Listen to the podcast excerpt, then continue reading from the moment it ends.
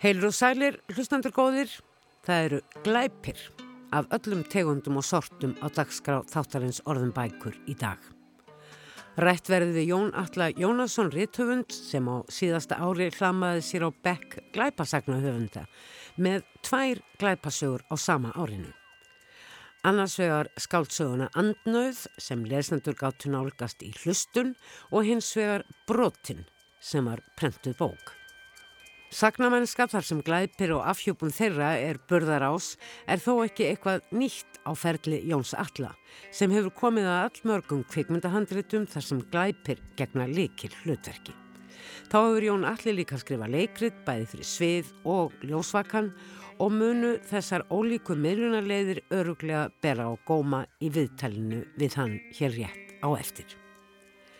Í síðara hluta þáttarins var þið svo rætt við Ævarörn Jósefsson sem einhver tíma var fóringi hins íslenska glæpafélags um íslensku glæpasöguna. Eru íslenskar glæpasögur alltaf að verða betri og betri, umfjöldunarefnin fjölbreytilegri eða er það einmitt aðall bókmæntategundarinnar sem við tengjum við afbrott og glæpi að lesendur fái meira og minna það sam og síðast en finnist eins og verið sig að segja nýja sögu í hvert sinn. Við byrjum með Jóni Alla Jónasinni og glæpasögunum hans tveimur sem sannarlega eru ólíkar.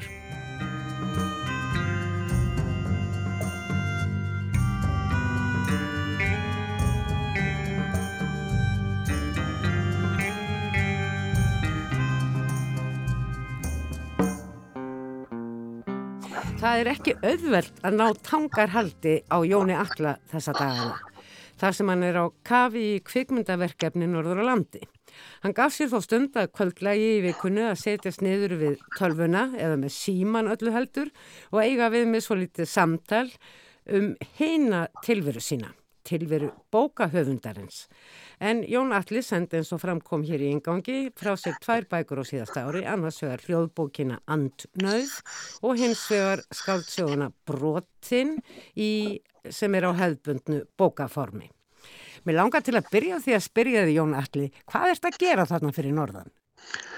Ég er að vinna eins og allir sem að koma nálagt kvikmynd að gera á Íslandi um þess að myndir í, í hérna erlendri sjónvarpserju sem er verið að taka upp svona mestu leiti á, á Suðurlandi en líka aðeins fyrir norðan. Breyta posthúsin á Dalvík í uh, fangelsi eða hvað? Nei, ég held að posthúsi verði lögustöð og, og, og um, í raun og veru er, er megin gatan í, í, í gegnum þorti, henni er breytt í smábæi Alaska. Já, einmitt. Þetta gerist ekki beinleins á Íslandi en Ísland er gott background eins og kannski sagtir í bransanum. Já, jú, algjörlega og eins og ég segi því lík vítaminsbröta fyrir öll okkar sem að svona einhvern hátt komum nálað kvikmyndagerð. Bæði tækni fólkið en líka alla aðra sko. Einmitt. Um, Jón Alli Jónasson, þú hefur sannarlega komið víða við í þinni sagnagerð. Þú sendir uppháðlega frá þér smásagnasafn árið 2001 og hefur síðan skrifað tvær skáldsögur fyrir utan þessar tvær sem kom út í fyrra og við ætlum að ræða um hér og eftir og við skulum ekki gleyma skáldæfisögunum Bubba Mortens. Samfara sagnaskrifunum fórstu svo fljótlega að skrifa fyrir leikús, bæði fyrir svið og ljósvakan og férst fyrir ímisverlun og viðurkenningar. En það fórstu í mörgu tilliti ótróðnar slóðir í þeim skrifum þínum. Heimildarleikritin um Guðmundar og Geirfinnsmálinn svo kalluðu annars vegar og hins vegar uh, um afhjúpun kynferðisbrota í landakottskóla á hvað áttunda áratug síðustu aldar. Samfara þessu allir saman hefur svo alveg frá miðjum fyrsta áratug þessarar aldar skrifað og þróað kvikmyndahandrit.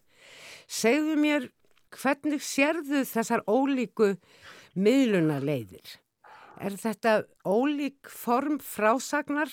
Eða er þetta allt fyrir þér alltaf sama? Hugsaður eins í öllum þessum meðlum? Ég held svona að mestuleiti líti á mig sem svona höfund í leikhúsi eða sviðshöfund svona fyrst og fremst. Ég byrjaði auðvitað á því að skrifa smásagna sapn en, en svona fljótlega þegar eftir ég byrjaði að skrifa þá svona var aðal áherslun á að skrifa fyrir svið og, og svo þróast það út í að, að skrifa nokkra kveikmyndir eða nokkuð kveikmyndahandrit og svona setni árum hefur verið minna í leikhúsi og, og, og verið meira í því að þróa og, og skrifa já, fyrir kveikmyndir og sjónvaserjur. Þetta Og skipt, það óks mér alltaf daldið og augum skilur að skrifa bækur. Mér fannst það svona kannski vera daldið ókleift fjall að mörgu leiti. leikhúsið og uh, kvikmyndirnar eru jú uh, verkefni þar sem fleiri koma að.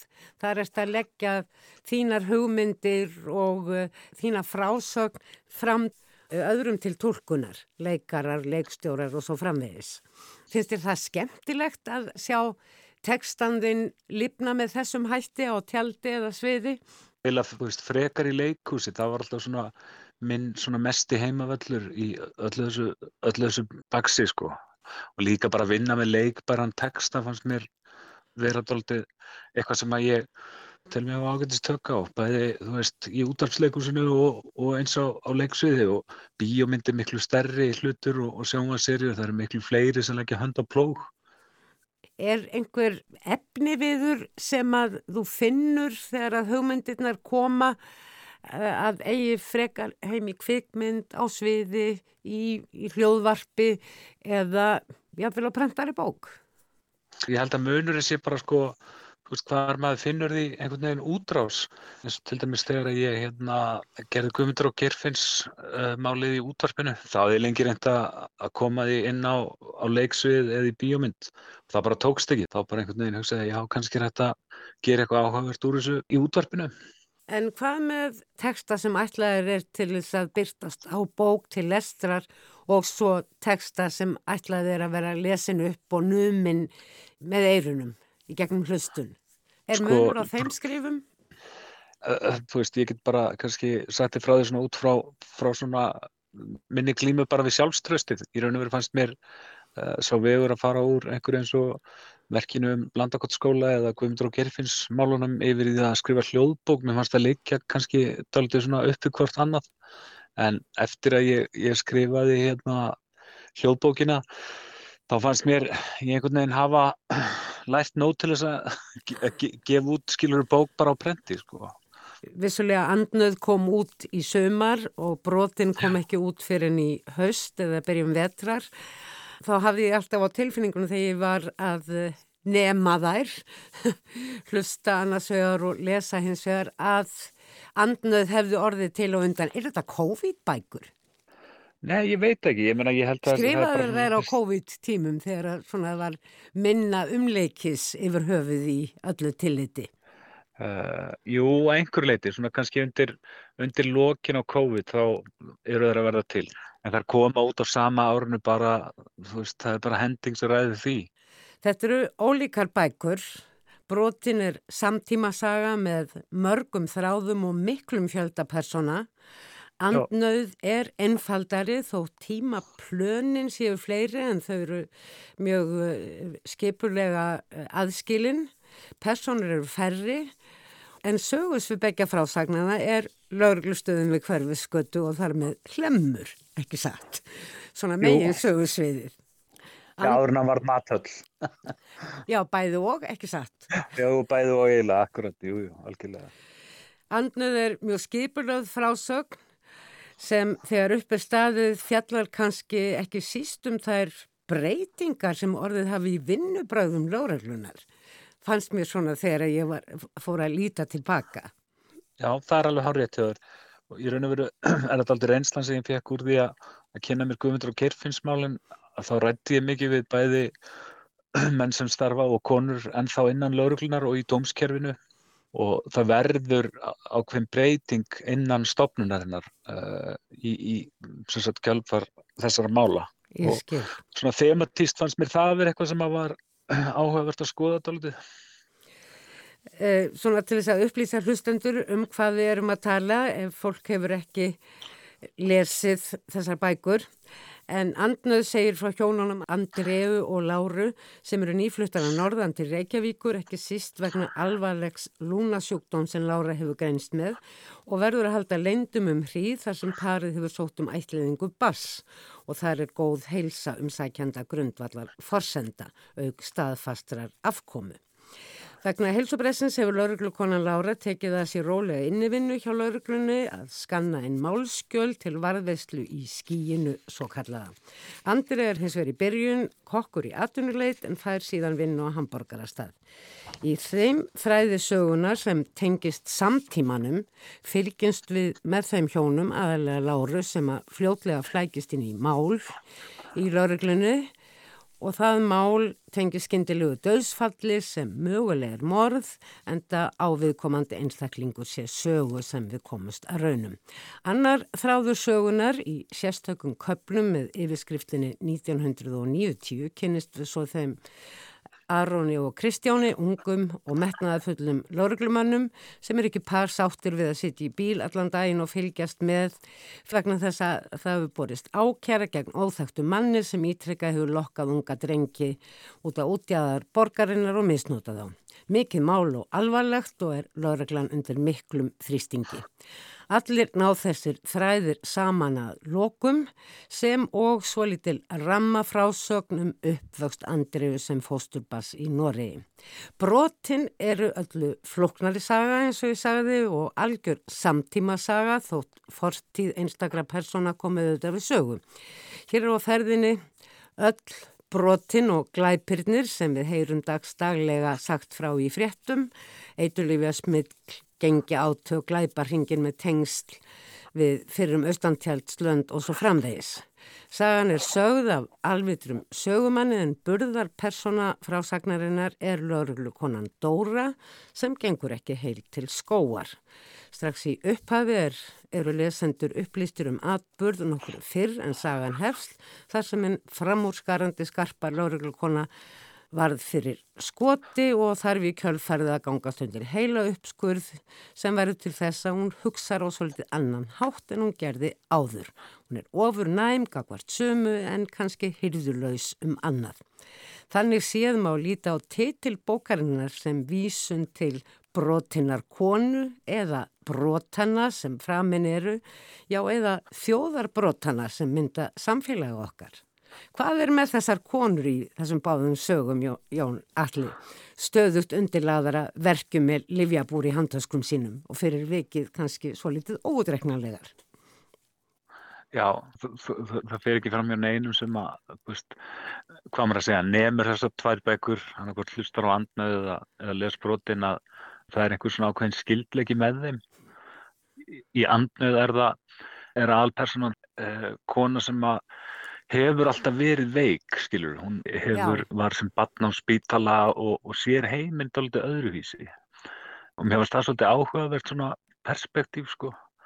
Eh, þú veist, það er svo margt sem að þess að fólk sér bara öðruvísi en við hinn sem erum svona þokkalega hilsu, við góða hilsu. Það er mitt í lögum um ætlaðingar á Íslandi er sérstaklega tekið fram að þú mútt alls ekki vera með lungasjúkdóm til þess að ætlaða batn.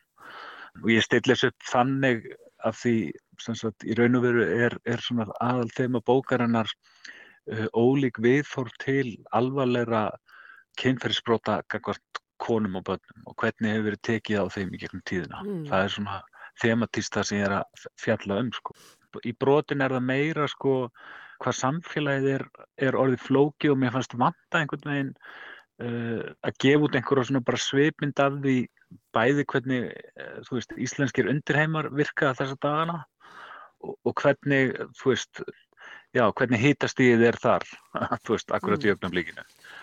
En þar, þar meira er, þau gleruðu sem ég hef á mér í, í henni er bara, þetta er orðið svo sjúklega flókið, ég meina, þú veist, samfélagið er, jú, þjóðarbrót og, það er brótið fólk, en það er líka bara svo brótakent, tíminn er orðið svo brótakentur. Var það í rauninni að einhverju leiti ástæðan fyrir því þú greipst til eða söktir þér ofan í þetta form glæpasögunar að hún er svo vel til þess fallin að speikla samfélagið.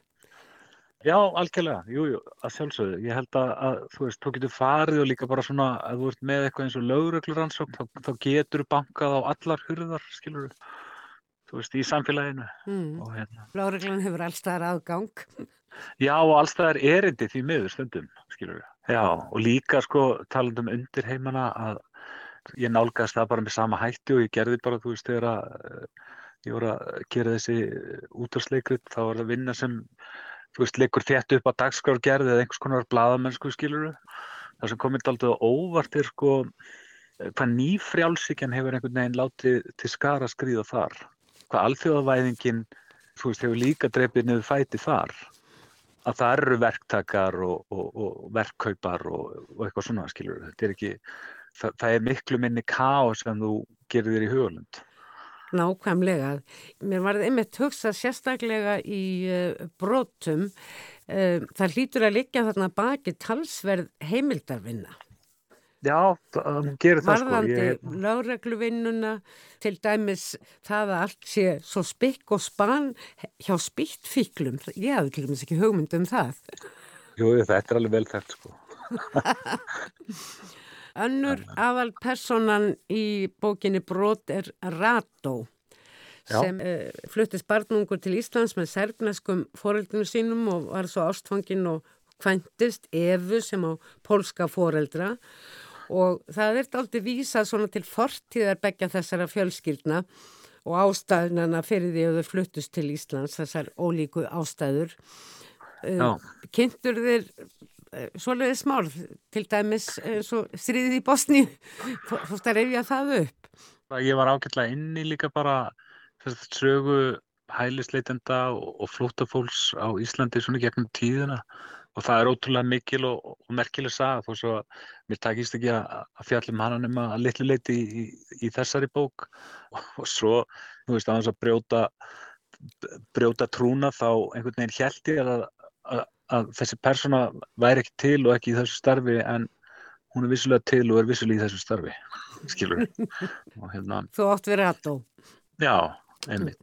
Hvernig var svona að skrifa þessar uh, bækur?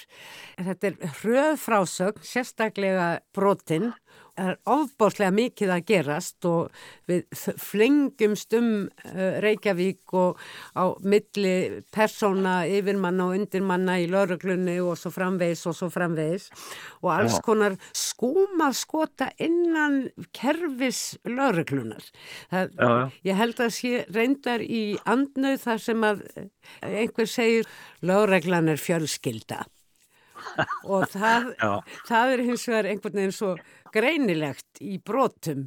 Jú, jú, algjörlega og ég, myna, ég held að, að þú veist maður reyna að gera þetta eins trúverð þá maður, maður geti en ég held líka að, að hérna, þú veist, akkurat núna og sérstaklega með bara tæknibildingunni eru lauruglustur að breytast svo rosalega mikið.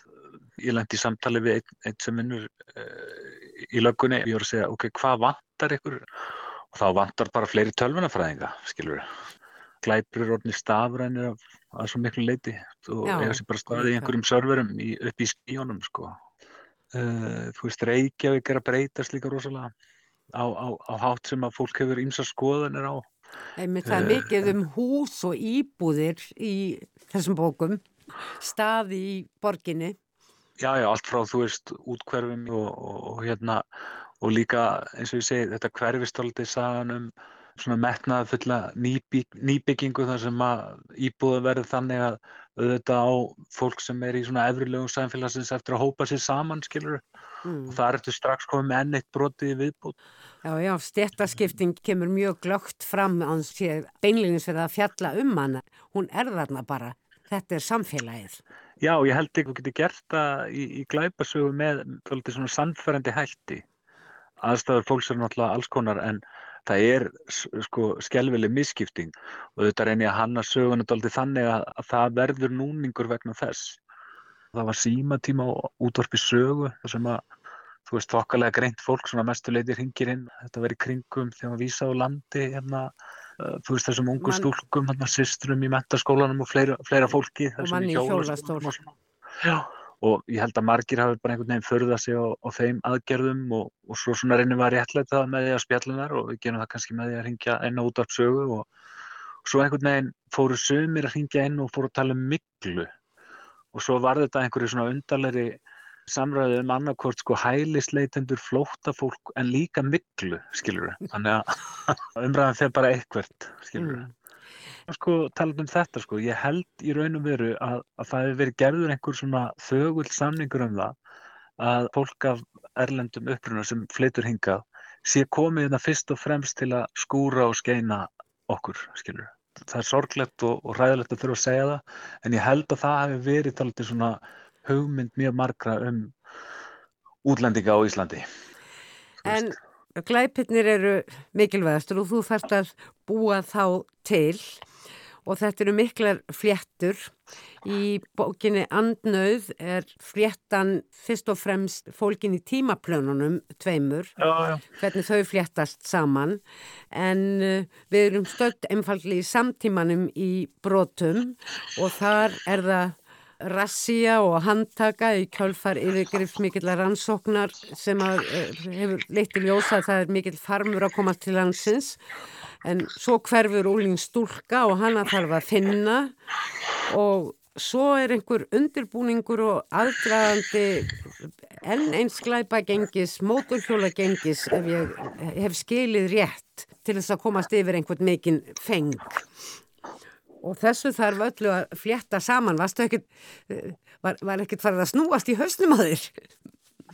Jú, jú, svolítið svona en eins og ég sagði þá náttúrulega þessum að síðust ár verði að vinna mikið við þróun á, á svona klæpaserjum bæði í Skandinavíu og í Þýskalandi og, og þú veist þetta er bara svona ákveði handverk sem að einhvern veginn kemst inn í. Svona í grunninn er ég ekki mikil svona plottmaður skilur ég er miklu meiri áhuga á bara personum Og þá er gott að hafa þessar óutreiknarlegu konur sem að stundum taka upp og eins og reyndar svo sem ekkert bara það er fólk í lögreglunu, er, það er mjög mannlegt.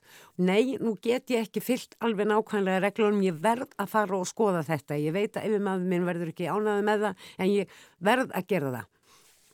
Já, ég held það sko. Ég, ég held líka bara að veist, þetta gefur okkur samfélagslýsinguna og svona mælinguna á samfélaginu. Þú veist, að skoður einhvern veginn eins og Arnald Indriðarsson að þetta er allt byggt hjá honum á svona mjög kærleiksríkum og humanískum grunni. Höfundurinn þar að baki til dæmis. Þú veist, það er svo mikill mannkærleikur í gangi að, að hann dregur þið strax inn þar bara, skilur við mig. Mm. en það, það er ró yfir personum Arnaldar upp til hópa. Það er meirinn hægt að segja um þínar.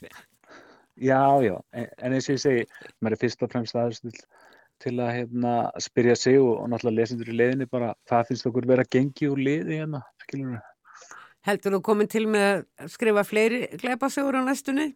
fer það kannski bara til verkefnum? Ég veit ekki.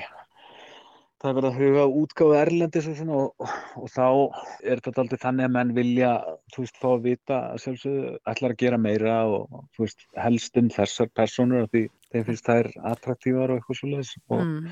jú, jú, ég er alveg svona veldi fyrir mér en maður er náttúrulega bara, veist, að koma út úr jólubókflóðinu. Já, já, algjörlega, sko. En lestu sjálfur glæpasögur?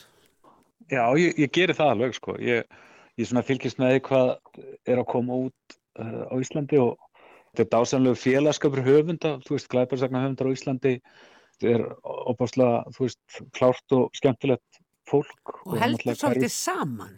Og það hverjur svolítið í kringum Æsland Noir sem er alveg frábær upp að koma. Mjög gaman að fá að taka þátt í því mitt, það var núna í nóvember. En svo les ég, ég er rosalega gaman að ég lesa eitthvað sem er, mínu menn eru George Waff Higgins og, og og hérna Richard Price sem skrifaði Clockers uh þeir tveir eru einmitt svona mjög George Higgins var svolítið skemmtilegu náðungi hann var lögfræðingur í Boston sem er nú mikil glæpaborg og hérna var oft verriðandi fyrir glæpamenn. Það sem hann minnum hann einna helst á sko er bara, bara Beckett. Þetta er svo absúrt að lesa þær bækur. Þær, mm. það er einhvern veginn uh, stríða gegn öllu svona hefbundnu glæpasögudæmi sem, að, sem að maður getur ímynda sér. Og Richard Price er náttúrulega bara eina frábæri díalóg. Hann skrifar þessa bók um krakkkókain faraldurinn í New York uh, á nýjunda áratögnum og bara hvernig hún rennir gegnum hverfi svartra og fátækra í, í borginni og, og í kjálfæri fyrir hann svo að skrifa The Wire og er eiginlega aðal kvatamæðurinn að þeirri sjónvarserju sem að einmitt, veist, breytti rosalega mörgu í, í svona glæpaserjum að hugsa þér á þessum tíma þegar The Wire er gert sko, það eru 10 eða 12 svartir leikarar sem enginn hefur séð áður þú veist á besta Já. tíma skilur við í mm. bandarísku sjónvarspi þú veist þetta er á sama tíma og Friends er held ég vinsalast að sjónvarseri í heimi Það hefur öruglega haft sitt að segja þetta eru áhrifamiklir miðlar sjónvarpið. einmitt. Þetta eru, eru þetta svolítið áhrifavaldar í þínum Já, alveg skrifum? klárlega sko. Mm, Og náttúrulega Patricia Highsmith, kannski Já. fyrst og fremst sko. Af því ég held, held það sem að Patricia Highsmith gerir svo vel sko er að hún, hún er alltaf að pota í lesendan og segja ok, hvað er rétt og hvað er rátt? Hvað er línan hjá þér? Það er svo áhugavert sko. Og þú stillir óbeint upp þessari spurningu oft í gegnum báða þessa sögur en kannski engum í brotum. Já, í andnöð er spurningin meira sko, ég meina, ég veit ekki, þú náttúrulega átt sjálfsagt börn og hugsanlega barnabörn líka, skilur uh, ég, ég er líka foreldri og, og hérna, uh, ég get ekki sagt í mínu tilfelli hafi það verið eitthvað sérstaklega skipulagt, skilur en ein mælingin sem er tekin í, í hérna andnöð er bara að þú veist, þarna eru tvær fullanda manneski sem hugsa bara, ok, eru við þess að, að taka þá ábyrg sem því fylgir að vera foreldri, skilur Mm. spurningin er borin upp svo formlega sko, veist. Og hvernig er hægt að fara með börn í þessum heimi? Það er náttúrulega uh, undirliggjandi harmur margra persóna í, í bókinu, fleiri heldur um að kannski skildi ætla en það er svona í að að því. Já, algjörlega, það er alveg hárið sko. Og andnöð gerist á sko, eitt tímaskeiði sem að hún gerist á þá held ég minni mig öruglega að þá er kvennalista þingmaður að reyna að koma frumvarfi á alþingi um sagt gera nöðgun í hjónabandi að glæp sem var ekki glæpur á þeim tíma. Nokkrum árum áður hafði það gerst í, í Breitlandi þannig getur rétt ímyndaði hvernig ástandi var á þessum tíma sko, það sem að í raun og veru var bara hýjað á, á fórnalömbin skilur sem er náttúrulega eitthvað sem að í, í MeToo-bylgjunni við erum að sjá að rekur ánga sína mjög langt aftur í veist, okkar sögu. Ég var alltaf að hlessa bara þegar ég sé veist, að rík fullorðið fólk segja frá einhverju svona sem gerist fyrir áratugum síðan. Mm. Við erum aldrei fengið uppskorið neitt sem er hægt að kalla að hérna- Nákvæmlega. Það er svolítið að drífa þig áfram. Fannst það var nóg bensín þar til að gera þessa bók. En hvað heldur þú? Heldur þú skrifir glæpasögu eða skrifir fyrir upplestur? Þú veist, ég var finnst rosa mikið afreg svona fyrir mig persónulega að gefa út bók, skilur. Þannig að ég hugsa ég reyna að halda mig við prentið, sko. Mm. Ég hlusta ekki mikið á bækur og ég les bara bækur sem eru búin til úr pappir, sko, eins gamaldags og það nú er. Mér finnst líka bara eitthvað með kiljuna, það sem er svo áhugavert við, við kiljuna er sko að þú getur alltaf bara að gefa einhverjum hana. Þú lest hana og svo bara gefur hana áfram. Og Já. það er svo skemmtilegt.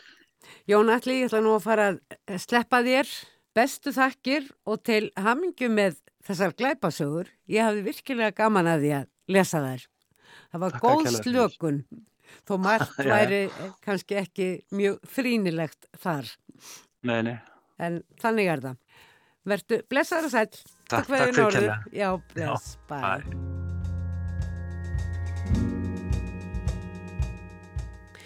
Þóttu höfum hvart Jón Alla Jónasson höfum við ekki sagt skilið við glæpasögurnar hans, heyrum Þórildi Ólafsdóttur lesa stutt brotur fyrir hluta brota þar sem lauruglukonan Dóra hefur verið kölluðin á skrifstofu yfirmannsins elliða stuttu eftir að henni er falið að kanna hvarf úlingstúlku vegna þess að allt tiltækt lið á stasjóninni hefur verið sendt í rassíu gegn myndum eiturlifja smiklarum.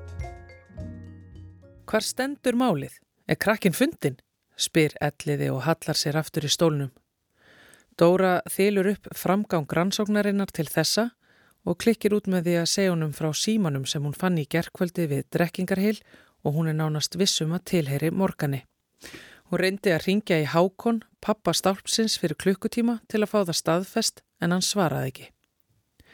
Elliði er hljóður um stund. Dóru finnst eins og hún sjáu tannhjólinn snúast í hausnum á honum. Líkt og heilastar sem hans sé knúin gufu. Hvað ætlar að gera? segir Dóra loks þegar hún gefst upp á að býða eftir svari. Er Jafet fluttur út? Eru þið hætt saman? spyr elliði. Hvernig fjandanum vissur það? segir Dóra. Og hvers vegna í anskotanum kemur það þér við? Stillur hugans er á undanhaldi. Hann hefur áhugir að þér. Ég líka. Þú veist það, segir elliði látt, eins og til að fá hana til að lækka rómin líka. Það er ekkert að mér, segir Dóra og trúir því ekki einu sinni sjálf. Þetta bara dettur út úr henni. Ég meina, jú, ég er kannski, en ég get stjórnað þessari rannsókn. Bætur hún við af eins mikilli stillingu og henn er framast und. Já, einmitt mannskvarfið, eða öllu heldur þessi týnda úlingstúlka, það er nú ljóta klúðrið. Yfirlauruglu þjóttnin bóðaði mig inn á skrifstöðu til sín rétt áðan. Einhvern veginn hafði hann frétta því að þú varir í forsvari fyrir þessa rannsókn. Sagðir þú einhverju það? Spyr elliði og er farin að kvísla. En svo skrifstofan sér hleruð. Hann gjóar augunum í átt að opna vinnuríminu handan glersins. Ég hef engum sagt það, en það myndi ég ekki gera það án þess að tala við þig, segir Dóra. Sko, einhver sagði honum þetta og hann hleypur beint með þetta í stjóran. Fólk er ekkert vittlustjarna, þetta er nú einu sinni rannsóknatildin. Ef þú klúrar þessu, síp ég segðið af því. Innanhúspolítikin hérna er grimm. Áttaði þig á því. Þannig að ég er að spyrja þig, beint út. Tristur þér til að sjá um þetta mál? Elliði spennir greipar. Áður en Dórana er að svara er bankað létt á hurðina.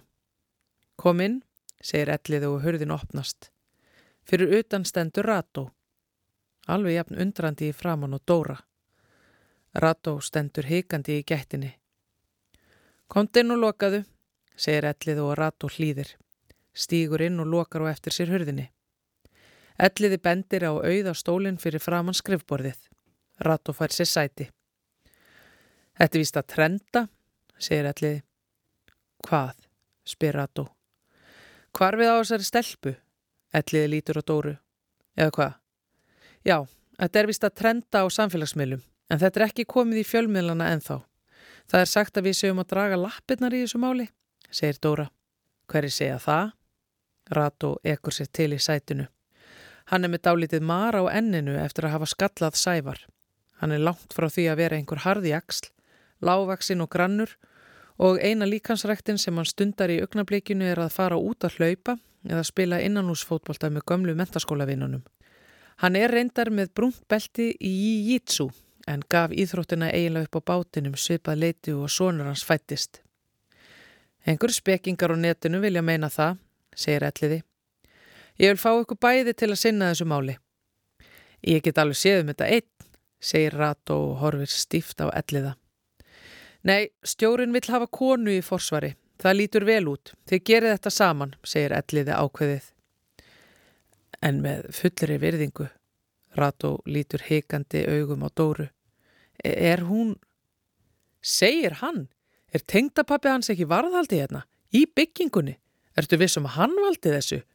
Dóra kvessir augun. Slakaðu á, hvæsir ellið á hana eins og hann sé að siða hund. Ég lofaði þér lendingu, segir hann svo og lítur á ratu. Þú getur líka sagt nei og farið í leifi. Svona held ég þér inn í deildinni, í byli. Skilju við hvor annan? Fullkomlega, segir ratu og lítur á Dóru sem blótar í hljóði.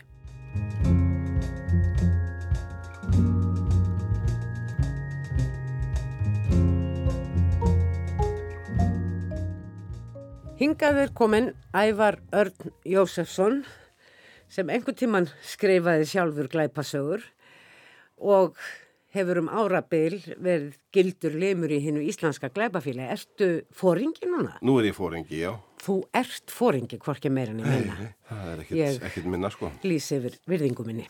Það er eins gott. Hvernig leist þér nú á glæpasögurnar á síðasta ári? Mér leist bara mjög vel á. Þetta voru einhver 20 stykki í Rúmlega það held ég. Já, þetta var svona rétt um 20. Ekki að margar og hitti fyrir það voru 24 eða 5 eða 6. Ég á nú ekki vonu að þetta sé til frambúðar þessi fækkun en, en þetta var gott ár, gott glæpa ár.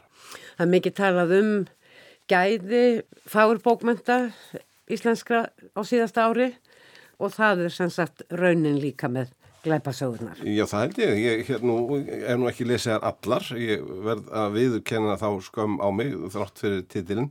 Þær sem ég lesið eru bara alveg ljómandi fínar og, og sumar bara mjög góðar. Það sem ég tók eftir þegar ég var að fara yfir sögurnar í, bara í bókatíðundum og það sem er skrifað um þær að það virðist tiltölulega algengt að, já, plottið sem er ju einkenni gleipa sagnargetnan gangi út á eitthvað sem likur grafið í fortíðinni. Já, það er svolítið mikið tekið núna þessa, þessi síðustu ár. Það hefur fæst í aukana finnst mér. Þetta hefur alltaf fyllt þessum sögum. Að, það er einhver lindarmálur fortíðinni sem að býta í, í skottið á, á, á samtímanum. Já, og, og hérna koma upp á auðuborðu og ymsar afleðingar eh, þegar það gerist, sko. En eh, ég veit ekki hvort það var óvinnum ekki núna eða... Það voru allmargar. Já.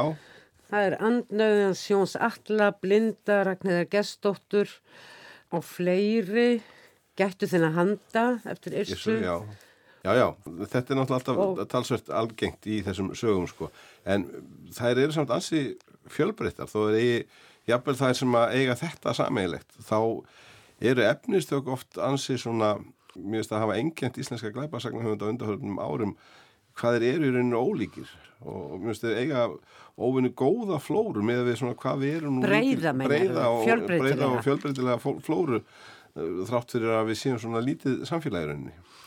Það kvartlaði mitt að mér að þessi svona fortíðar tengst og að næra plottið með þeim uh, hefði eitthvað með fámennið að, að gera og hefði litla samfélag að maður eru það vikað og út þá að minnst að kosti tíma. Já, það má vera. Það, þetta er eins algengt til dæmis Jú, þetta er, mjög, þetta er mjög algengt elendi sem að lesa til dæmis sænskar glæpasögur sem ég hef gert tölvört að í gengum tíðina þá er það mjög algengt þema þar einmitt eitthvað sem likur grafið í fortíðinni bara e, glerlikis hafi síðasta árs til dæmis Tófi Alstedal, hún, hún skrifaði einmitt svona það sem heitir homecoming sögur semst einhver sem snýr aftur heim búin að fara úr eh, fámennin í, í stórborginna og snýð síðan aftur heim uh, til þess að vinna í gamla fásuninu og þá eru allskins draugar og fortíðin í farteskinu bæði hjá hetjunni og þeim sem eru grunaðir um græsku og, og þeir sem heima hinum, hafa sett já og hinn sem reyna síðan hafa framið glæpin og svo framvegis. Þetta er held ég bara bísna algengt víða Það eru nokkri nýjur höfundar, ekki síst konur Já, já Hún Eva Björg Ægistóttir hefur verið að gera sig gildandi. Já, hún er nú komið, hvað er ekki, fjó, var ekki fjórða eða fymta bókin, fjórða bókin en já, en já, hún er svona í, í yngri kantinum og stendur sig feikilega vel. Svo er það... Og það er einmitt svona þetta ennþá minna samfélag hjá henni. Hún er náttúrulega að skrifa um Akranis og reyndar nærsveitir. Hún tegið sér nú út í nærsveitir líka í sínum bókum. Þetta er svona eins og við sáum í Ófær til dæmis í sjómaseríunum þar sem við vorum innilokuð einhver staðar.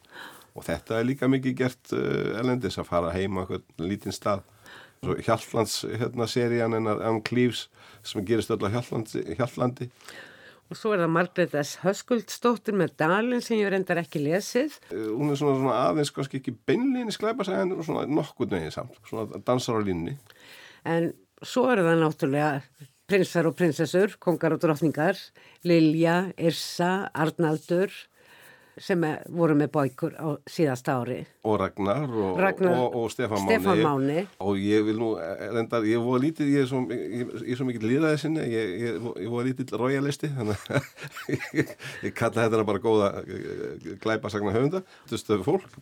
Jú, þau voru öll með bækur og, og feiki góða Ragnar tilnemdur, Stefán tilnemdur og Eva. Björg Lilja, Lilja ekki fyrsta sinn og öruglega ekki það síðasta mm. uh, og svo náttúrulega nýliði sem er, var líka tilnefndu til blóðdrómans uh, fyrir sína sögu, stórabröður og tók sér til og bara hirti dróman og það er hann skúli Sigursson Er það ekki svolítið óvinnileg bók?